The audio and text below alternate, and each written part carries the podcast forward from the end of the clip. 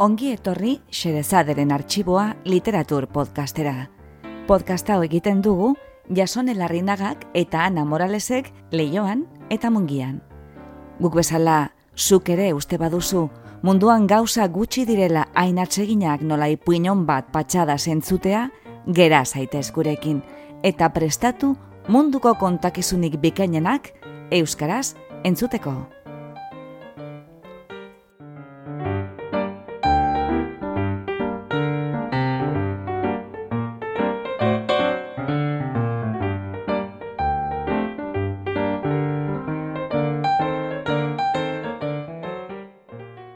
Gaur, xerezaderen arxiboan, jo dugu Budapest.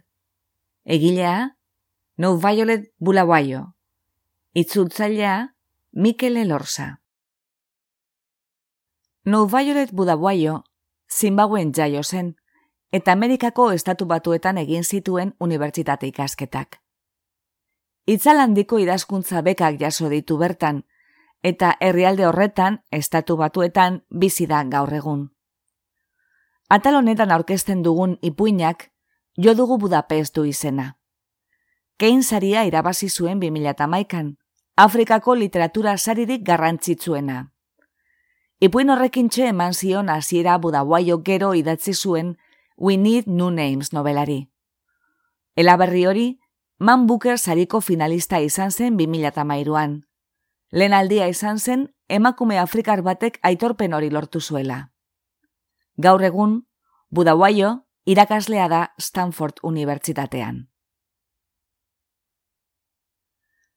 Jo dugu Budapest ipuinean, zein eskatila aurkitzen ditugu oinez bidean. Sortzi eta amaika urte bitartekoak dira. Sasiko, txipo, jainkoa taki, stina, sbo eta kontalaria, lastana.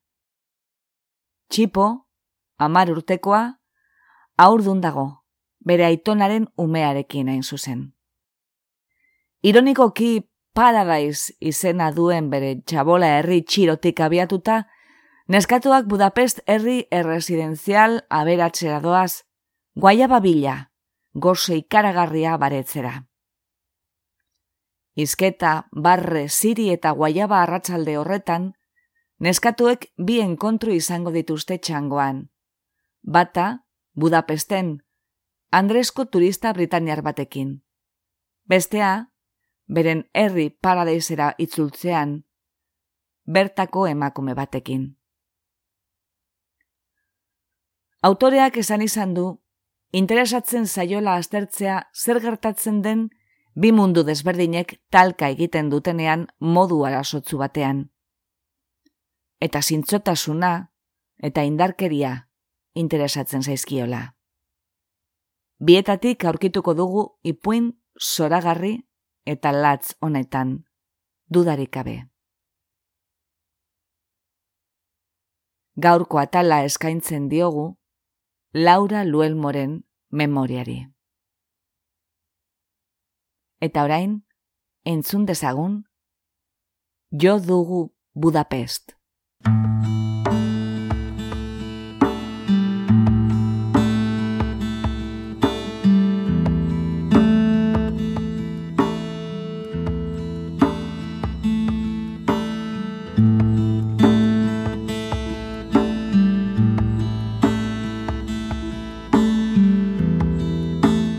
Budapesteko bidean gaude sasiko, eta txipo, eta jainko ataki, eta esbo, eta stina, eta nineu. Zilikazi rodetik arantz joatea debekatua izanagatik ere, bagoaz. Sasiko berarreba txiki fraction zaintzen ari dela uste izatekoa denarren, amak jakingo balu, hilko banindu ere, bagoaz. Guaiabak taude Budapesten lapurtzeko moduan, eta justo orain, guaiaba batzuen truke, edo antzeko beste zerbaiten truke, lepoa emango nuke. Norbaitek pala batez sakatu eta ustu balu bezala daukatur daila. Paradaisetik irtetea ez da inzaila, amak ilapainketekin eta izketarekin lanpetuta daudelarik. Haien horretik hilaran pasatzean begiratzen gaituzte eta kitxo gero. Jakarandapean dauden gizonekin ez dugu kezkatu ere egin behar. Zerbeza operetatikat espaitut egiten haien begiek. Ume txikiek baino ez gaituzte ikusi eta jarraitu nahi gaituzte, baina sasiko kukabilez jodu narrubixi burandi hauetako bat kopetaren erdian, eta atzere egin dute.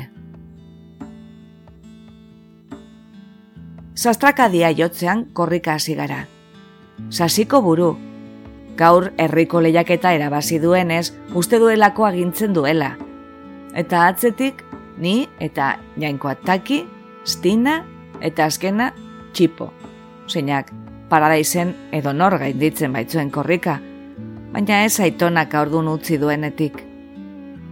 Silikazdia iragan ostean, beste alde bateran egin dugu erresta.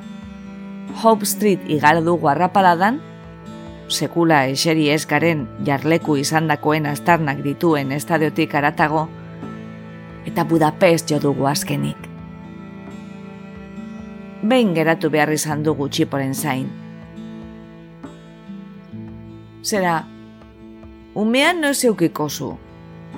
Esan du zazikok. Haren zain geratu behar izana, ez du maite zazikok. Saiatu ere eginda, arekin batera gehiago jolas ez zen. Egunen batean izango dut. Zer da egunen batean? Bihar? Ostegunean? Datorren astean? Azalduzu ikusten zabela txikia dela oraindik? Umeak hasi beharra dauka. Umeak kanpoan hasten da. Horregatik jaiotzen dira, eta gero hasten dira. Tira, oraindik ez da garaia. Horregatik da oraindik zabel bat. Mutikoa da laneska. Mutikoa da. Lehen umea, mutikoa izan ohi da. Ba, zunezka zara eta horrena jaiotakoa zara. Oi, esan dut. Aizu, isil zaitez ez data zure zabela. Neska dela uste dut. Ez dut ostiko kasu matzen. Mutilek ostikoak eta okabilkadak eta burukoak ematen dituzte. Mutikoa nahi dozu? Us, ba, bai, agian, ez dakit. Zehazki, nundik irteten daume bat?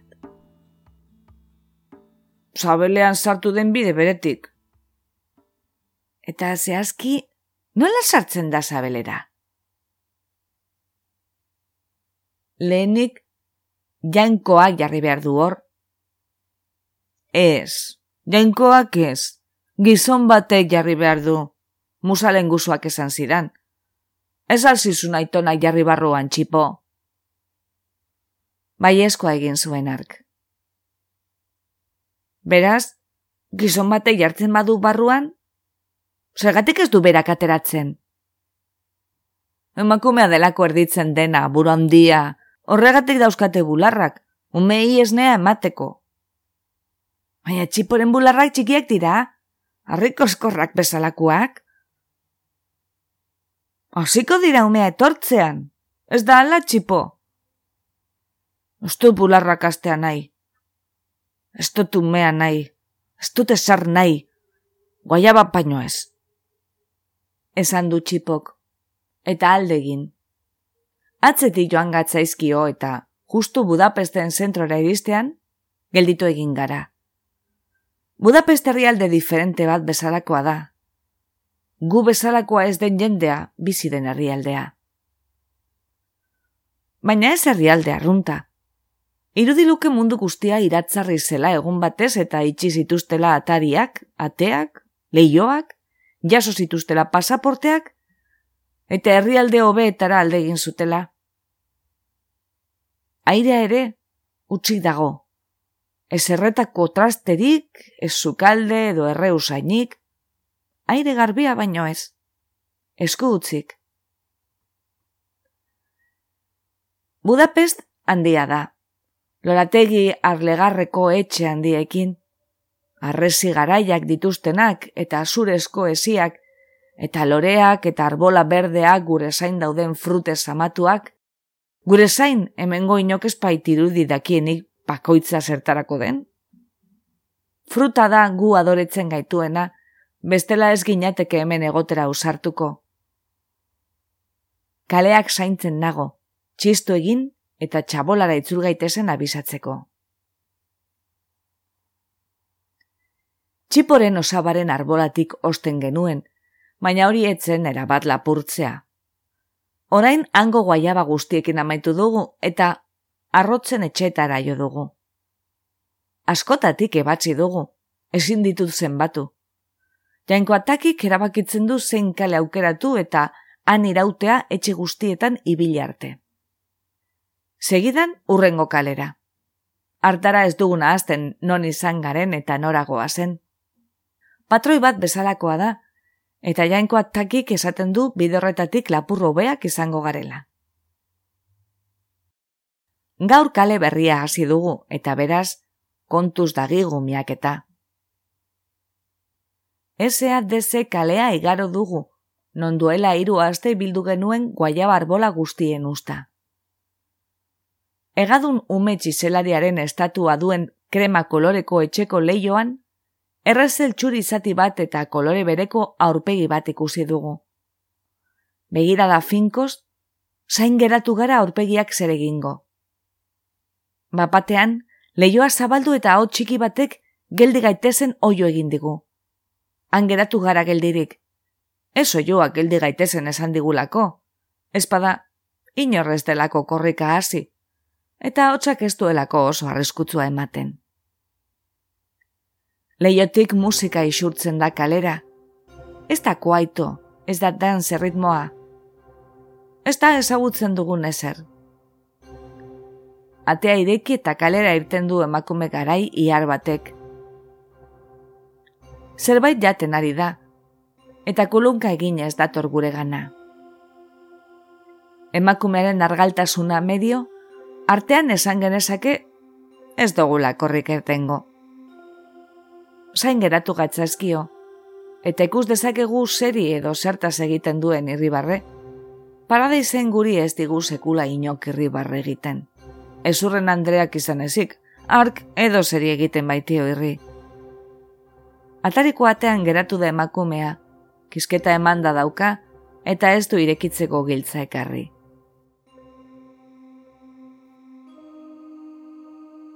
Jiz, ezin dut beroa jasan.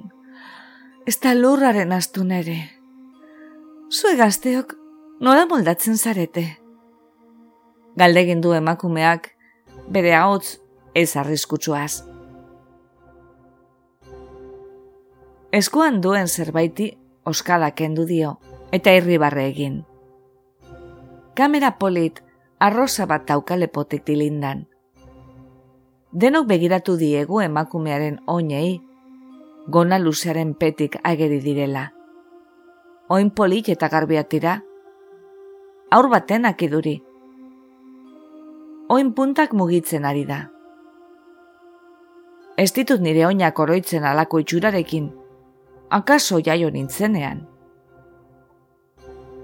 Orduan goraso egin dut emakumearen hau gorri, mastekariari lepo alboko zainari eta espain handiak nola milikatzen dituen erreparatuta, gauza goxoa jaten ari dela esan dezaket. Zorrotzago begiratu diotaren eskuluseari, jaten ari den gauzari. Laua da, azalaldea kurruskatzua. Muturrak krematsua eta leuna dirudi, eta txampon itxurako gauzak ditu. Arroza ilunekoak, erretako zauriaren kolorekoak. Zipristin gorri, berde eta horiak ere ikus ditzaket, eta azkenik, koskor marroiak, pikorrak pailiran. Zer da hori?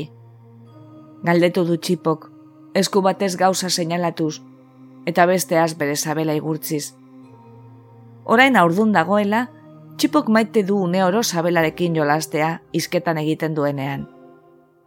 Futboleko baloi baten neurrikoa du zabela. Esan diegia. Deno begiratu diogu emakumearen ahoari, zer esango duen. Oh, hau, kamera bat da. Esan du emakumeak, bagenekiena bestalde. Eskua garbitu du gonan eta kamera ukitu. Orduan gauzati geratzen zaiona atearen ondoko sakarrontzira jaurti du. Utsegin eta barre, nik ezer divertigarririk ikusi espadut ere. Emakumeak begiratu egin digu, bera barrezka dagoenez guk ere barre egin dezagun agian, baina guk begiak gauzagan jarriak ditugu. Airean egan txoria lurra jo horretik bezala. Ez dugu inor sekula ikusi janaria botatzen. Zehar kaso egin dio txipori. Ze adin duzu?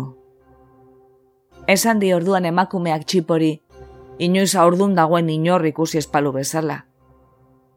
Baina txipo etzaio entzuten ari, okupatua dago lurrean datzan gauzari begira. Amar urte, erantzun du jainko atakik txiporen ordez. Gupiok bederatzina ditugu, bikiak bagina bezala. Esan du jainko atakik, bera eta bio iburuz. Sasikuk amaika ditu, eta azbok sortzi, eta stinak ez dakigu. Wow, esan du emakumeak kamerarekin jolasti. Eta zuk zea duzu? Jainkoak takik aletu dio. Eta nongo azara? Jainkoak takik gehiagi hitz egiten duela pentsatzen ari naiz. Nik! Tira, hogeta mairu ditut, eta Londreskoa naiz. Lehen aldia da aitaren herrialdea bizitatzen dudala. Londresko gozoki batzuk jan nituen behin, Osabadotorek bidali zituen lehenen goz ara joan zenean, baina aspaldi izan zen. Orain ez du inoiz idazten. Esan du janko atakik. Emakumearen hau biurriak mastekatzeari utzi dio. Arekin batera egin dut irenestearena. Amabostekoa dirudizu, neska baten adinekoa. Esan du janko atakik. zain nago emakumeak janko atakiri muturrean zaplastekoa eman diezaion, esan duen. Baina orduan emakumeak barre egin du, arro egoteko zerbait esan izan baliote bezala. Ezkerrik asko, esan du. Begiratu egin diot perari, zer dago eskertzeko tankeran, eta gero bestei, eta badakitaiek ere pentsatzen dutela arraroa dela emakumea hila datzera eraman du esku bat. Ilea trinkoa eta zikina ikusten da. Ni Budapesten biziko banintz, egunero garbituko nuke gorputz osoa, eta hilea horrastuko erakusteko benetako pertsona naizela, benetako toki batean bizitzen. Inporte zaizue, gazteak, argazki bat egiten badizuet? Ez kaudo ituta helduak guri ezer galdetzen, eta ez diogu erantzun. Soiek begiratu egin diogu emakumeari. Pauso batzuk atzera egiten, haren hile latzari, pausoak ematean lurra errestatzen duen haren gonari, haren oin barrandari ederrei, haren bitxi bikainei, haren begi handiei, bizirik dagoela erakusteko inongo orbanik beharrez duenaren azal estina barrari, haren sudurreko arrakadari, darfur bizirik dioen haren elastikoari. Ia ba, esan, gazta, gazta, gazta, grinatzu emakumeak, eta denok esan dugu, gazta. Nik berez ez dut esan, gogoratu nahian nagolako zer esan nahi duen zehazki gazta hitzak, baina ezin dut oroitu. Atzo ezurren andereak dudu txoriaren historioa kontatu zigun, zeinak ikasi eta kantatu zuen kantu berri bat hitzak ulertzen ez zituena, eta bota zuten, hiltzuten, eta faltzeko kozinatu zuten, kantuak hain zuzen ere, jendeari eskatzen diolako hil eta kosinatu desatela. Emakumeak ni seinalatu nau. Buruaz markatu eta esan dit, gazta esateko. Eta esan ekin dut bera barrezkazo neukalako benetan ezagutuko banindu bezala. Hasieran poliki esan dut. Eta orduan, gazta eta gazta esan dut. Eta gazta, gazta! esaten ari naiz eta denak ari dira gazta, gazta, gazta esaten. Eta denok ari gara hitza kantatzen eta kamera klik egiten ari da eta klik eta klik. Orduan, stinak, inoiz hitz egiten ez duenak, altxa eta kanporantz egin du. Emakumeak argazkiak egitari utzi eta esan dio. Ongi zaude? Baina estina ez da gelditu. Orduan txipo kalde egin du ustinaren atzetik, sabela igurtziz, eta orduan denok egin dugu martxa haien atzetik. Han utzi dugu emakumea, zutik, argazkiak egiten. SADZ-ko kale izkinan geratu da sasiko, eta ari irainka hasi da horroaz. Eta gauza akordatu naiz, eta nola jaurti duen nahi genuen galdetu ere egin gabe. Eta ni ere garrasika hasi naiz, eta denak batu zaizkigu. Garrasi egin dugu eta garrasi eta garrasi. Ura jaten ari zen gauza jan nahi dugu. Sarata egin nahi dugu Budapesten, gozeak alde egin diezagun nahi dugu. Emakumeak begiratu egin digu, surtuta, eta korrika batean sartu da barrura. Eta guk garrasika utzi diogu. Ahotza galdu dugu garrasika. Estardiak erretzen digu atea itxi eta emakumea desagertzean, gelditu eta pixkanaka aldendu egin gara, guaia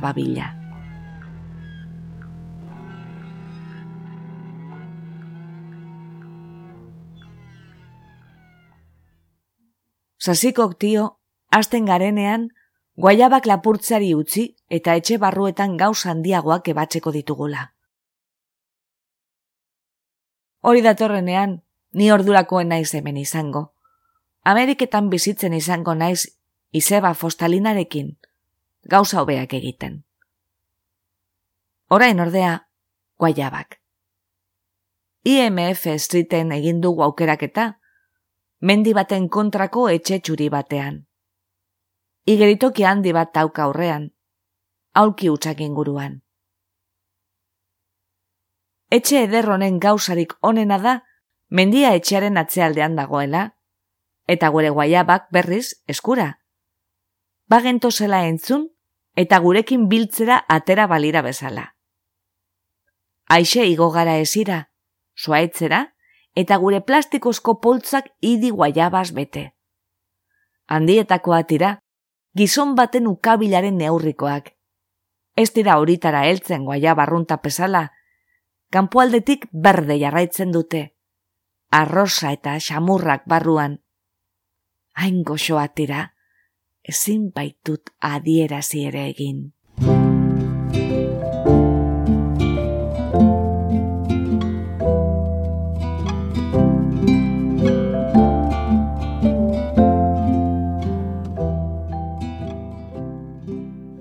Paradaizerako bueltan, ez goaz korrika. Arrogoa soinez, Budapest gure herrialdea balitz bezala. Bidean goazela guaia bat jatten eta salak edonontu eginez leku azikinduz. Hau kalearen kantoian, txiporen zain geratu gara, gonbitoka egin desan. Gaur haren gonbitoak txisa ematen du, baina trinkoagoa. Han utzi dugu, agerian. Alako etxe batean biziko nahi segunen batean, esan du usbok, guaia balodi bati oskada emanez. Ezkerretara begiratu du, eta etxe urdin handi bat seinalatu, eskailera luzea daukana, dena lore zinguratua. Zertaz ari den jakingo balu ematen duaren haotxak. Nola lortuko duzu, galetu diot. Azalzatiak tu egin, eta esan dit begi handiez, bedekit. Ametzetan egingo du. Diotso sasiko keguzkiari, guaiaba bat sporen etxearen arresirantzia hortikiz. Hormaren arroza zikinduz lehertu da guaiaba. Guaiaba gozo bati oska egin diot. Idi guaiabaren hasiak murtsikatzea etzaetazko gustatzen, gogorrak izanik, luze jotzen baitu, eta hortaz, kontuz xeatzen ditut, eta batzuetan osorik irentzi ere, naiz eta jakin zer gertatuko den. Zergatik egin duzu hori? Bere etxearen arresi zikindu berriari begiratu dioz bok, eta gero sasik hori. Irri egin, eta beste guaiaba bat bota du sasikok. Horma ez, baina atea jo du. Ateak ez du benetako ate batek egin beharko lukeen zaratarik egin. Aldu dalako, nahi dudana egin dezake dalako, eta gainera, ze asola du. Ba justu entzun zula esaten etxea gustatzen zaidala, eta bera susti izatekoa da, ez diozula ez ere egingo. Zergatik ez duz aukeratu niri inporta etzaidan beste etxe bat. Tira, baina horrek ez du etxea zure bihurtzen, ala?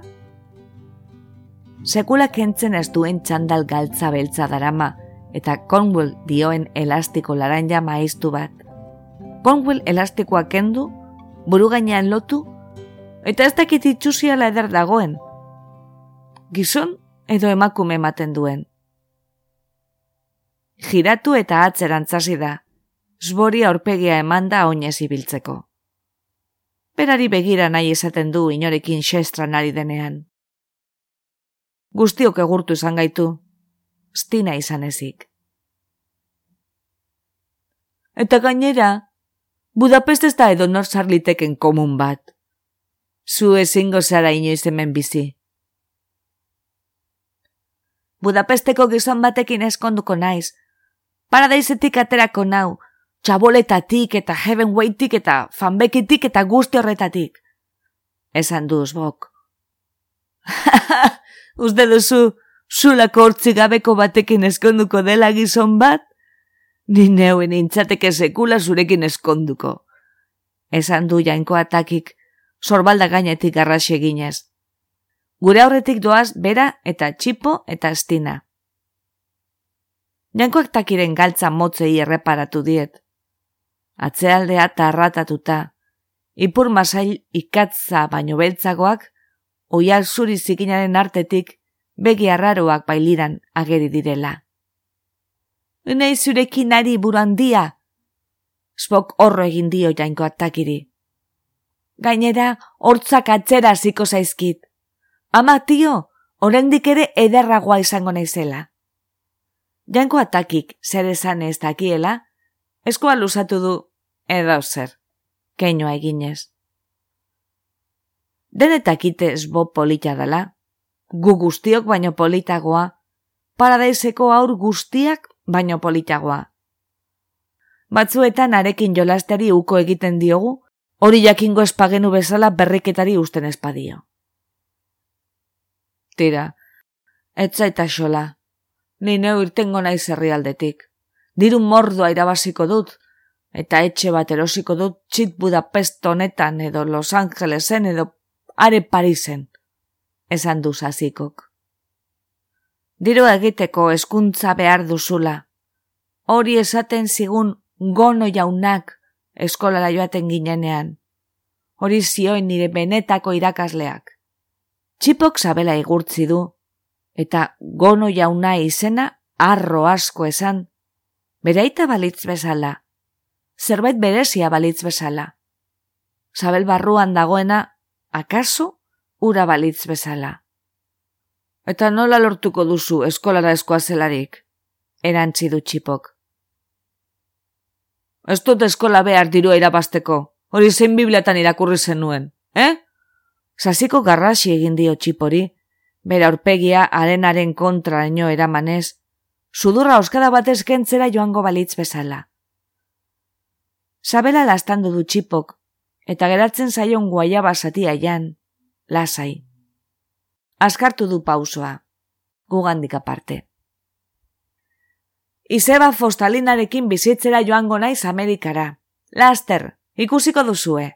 Esan dut, ahotsa osenduz, denek entzuteko moduan. Guaiaba berri bati ekin diot. Oso goxoa da. Osta hiru oskadatan amaitu dut. Asiak mastekatzea ere etzait inporta. Amerika oso ruti dago. Esan duz asikok, gogaituta. Egan joan behar den inora ez du joan nahi. Eta taskatuta gelditzen bazara, itzuli ezinik? Ego Afrika edo Bosguanara joango naiz ni. Artara, gauzako kertzen badira, bidean jar naiteke, inorekin hitz egin behar izan gabe. Erraz itzultzeko aukera auki behar dozu edo nora zela.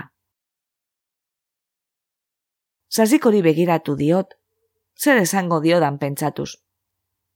Guaiaba hasi bat geratu zait, oia eta azken aginaren tartean. Eta mingaina saiatzen ari naiz ura ateratzen. Atza baliatu dut azkenik. Elarriko algizariaren guztua dauka. Amerika oso ruti dago. Esan du txipok, sasikorekin bat eginez. Gelditu egin da une batez, eskua zabelpean duela, eta rapatu izan dugu. Eta gazkinari zerbait gertatzen basaio barruan zaudela? Eta terroristak? Pentsatu dut, sasiko aurpegitxusiaren meseletan, esan duela hori, txipo aurpegileun futbol baloi zabeldunak. Garrasi egin diolako. Izketarako begirada egin diot, baina haua mastekatze utxari eutxi dio. Ez dita xola, Ni banoa. Esan dut. Eta pausoa bizkortu, jainkoa takit astin harrapatzeko. Bai bai takit berrik eta zertan amaituko den txipo eta sasiko nira urkalkartzen badira. Ondo da, segi Ameriketara, segi, eta egin lan, etxeko neskame eta kaka garbitzaile. Zuk uste duzu historiak ez ditugu ezagutzen? Sasikok bizkarrera garrasi egin dit, baina nik oinez egitu dut. Pentsatu dut bueltardi hartu eta sasiko jotzea nire Amerikaz hori esateagatik. Masailekoa emango nioke, kopetan kolpatuko nuke eta muturrekoa emango nioke eta hortzak hautsi. Urdaila sakatuko nioke jandako guaiaba guztek onbitarazi arte. Eraitzi egingo nuke. Belaunekoa emango nioke bizkarrean, eskuak bizkarrera doblatu, eta buru atzerantz bultzatuko nioke bizirik nezan erregu egin arte. Baina isildu egin naiz eta aurrera segi. Badakit inbidiaz baino ez dagoela. Ameriketan inor ez daukalako. Beraz hasiko delako. Eta ni, lastana.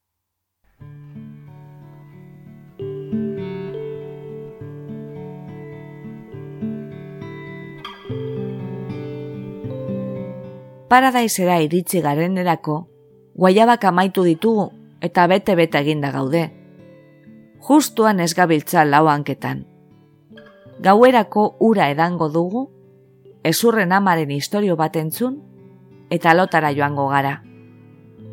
Sasi artean kaka egiteko geratu gara. Komeni da ilundu aurretik egitea, bestela ez zaitu inok laguntzen.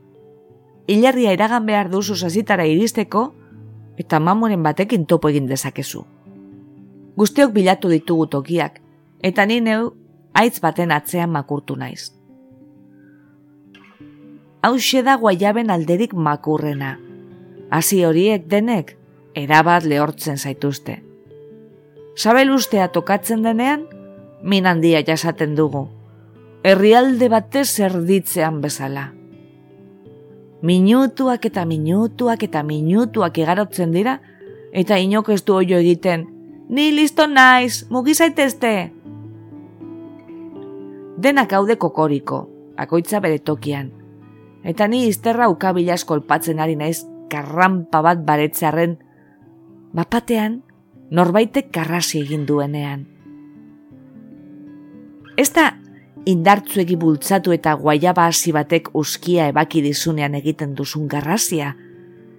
Etorri kustera, esan du.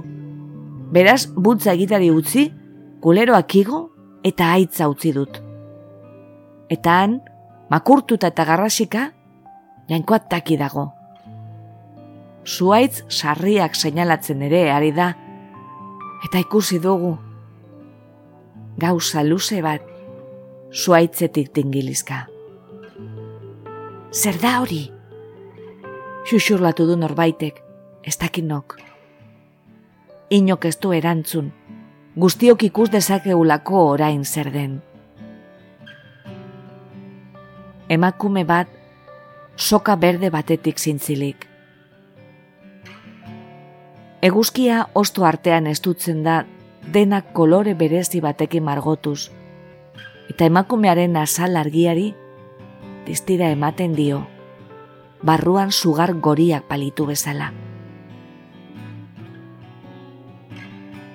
Albotan, bigun dauzka emakumeak beso meak zintzilik, eta eskuek eta oinek lurra seinalatzen dute, norbaitek ura marrastu balu bezala, lerro zuzen bat airean zintzilik. Begiena da alderik belturgarriena, oso zuri ageri dira, eta ahoa erabat zabaliktu. Soineko hori bat tarama, eta belarrak zapaten punta musukatzen du. Oazen bizkor, esan du stinak. Stinaren lehen hitzak dira, herrialde jolasaz gerostik. Stina mintzo delarik badakizu zerbait garrantzitsua dela. Eta korre egiteko prez jarri naiz. Beldurti, ez alduzu ikusten bere buru aurkatu duela eta orain hilda dagoela harri bat hartu eta jaurtiki du sasikok, emakumea izterrean joz. Zerbait gertatuko dela espero dut, baina ez da ezer jaso, emakumea ez da mugitu. Ikusten, esan dizut hilda dagoela. Nagusian orden gogorarazi nahi digunean erabiltzen duen ahotsaz esan du sazikok jainkoak zigortu egin gozaitu horregatik. Esan du jainkoa takik. Beste harri bat bota du zazikok. Sangoan jo du emakumea. Ku, zarata eginez. Emakumea ez da orain ere mugitu. Izututa nago. Iduri zait zo daukadala bere begi zuri lehertuekin. Begira, ez dakidan zerbait egiteko zain.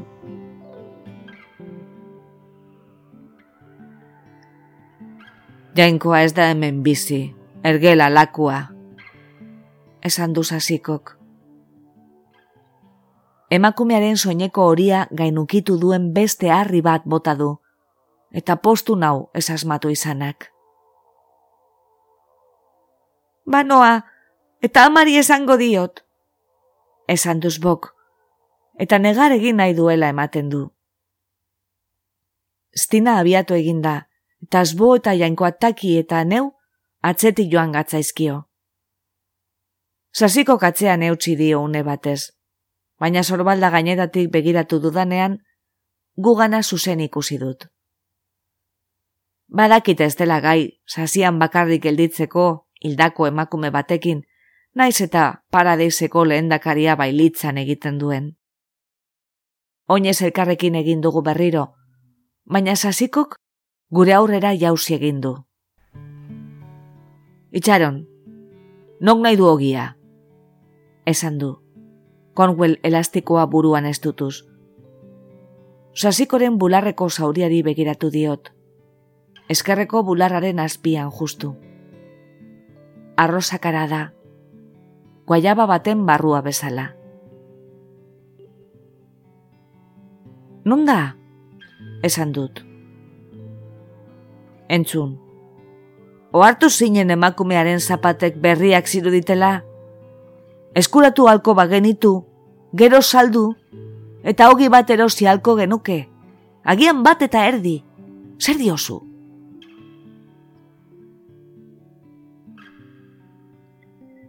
Buelta eman, eta sasian barrena jarraitu gatza eskio denok sasikori.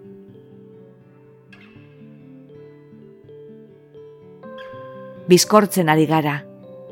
Korrika hasi gara. Korrika hasi gara. Eta barrez, eta barrez, eta barrez.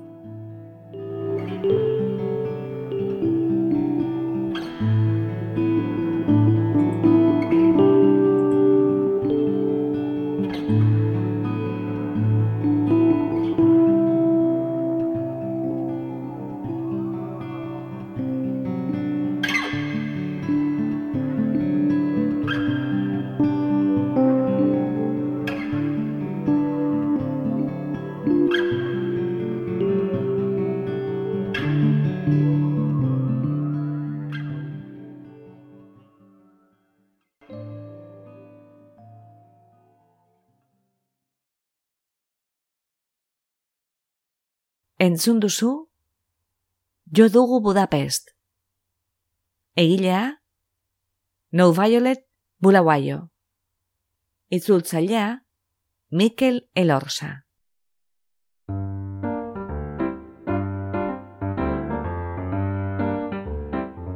Xerezaderen artxiboko atal bat entzun duzu.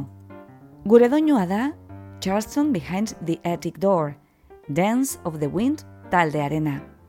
Bizitatu gure bloga, gure audioak deskargatzeko edo online entzuteko. Iru xerezade.org Xerezade, isaz idazten da gogoratu. Eta ezaztu iruzkinak ustea.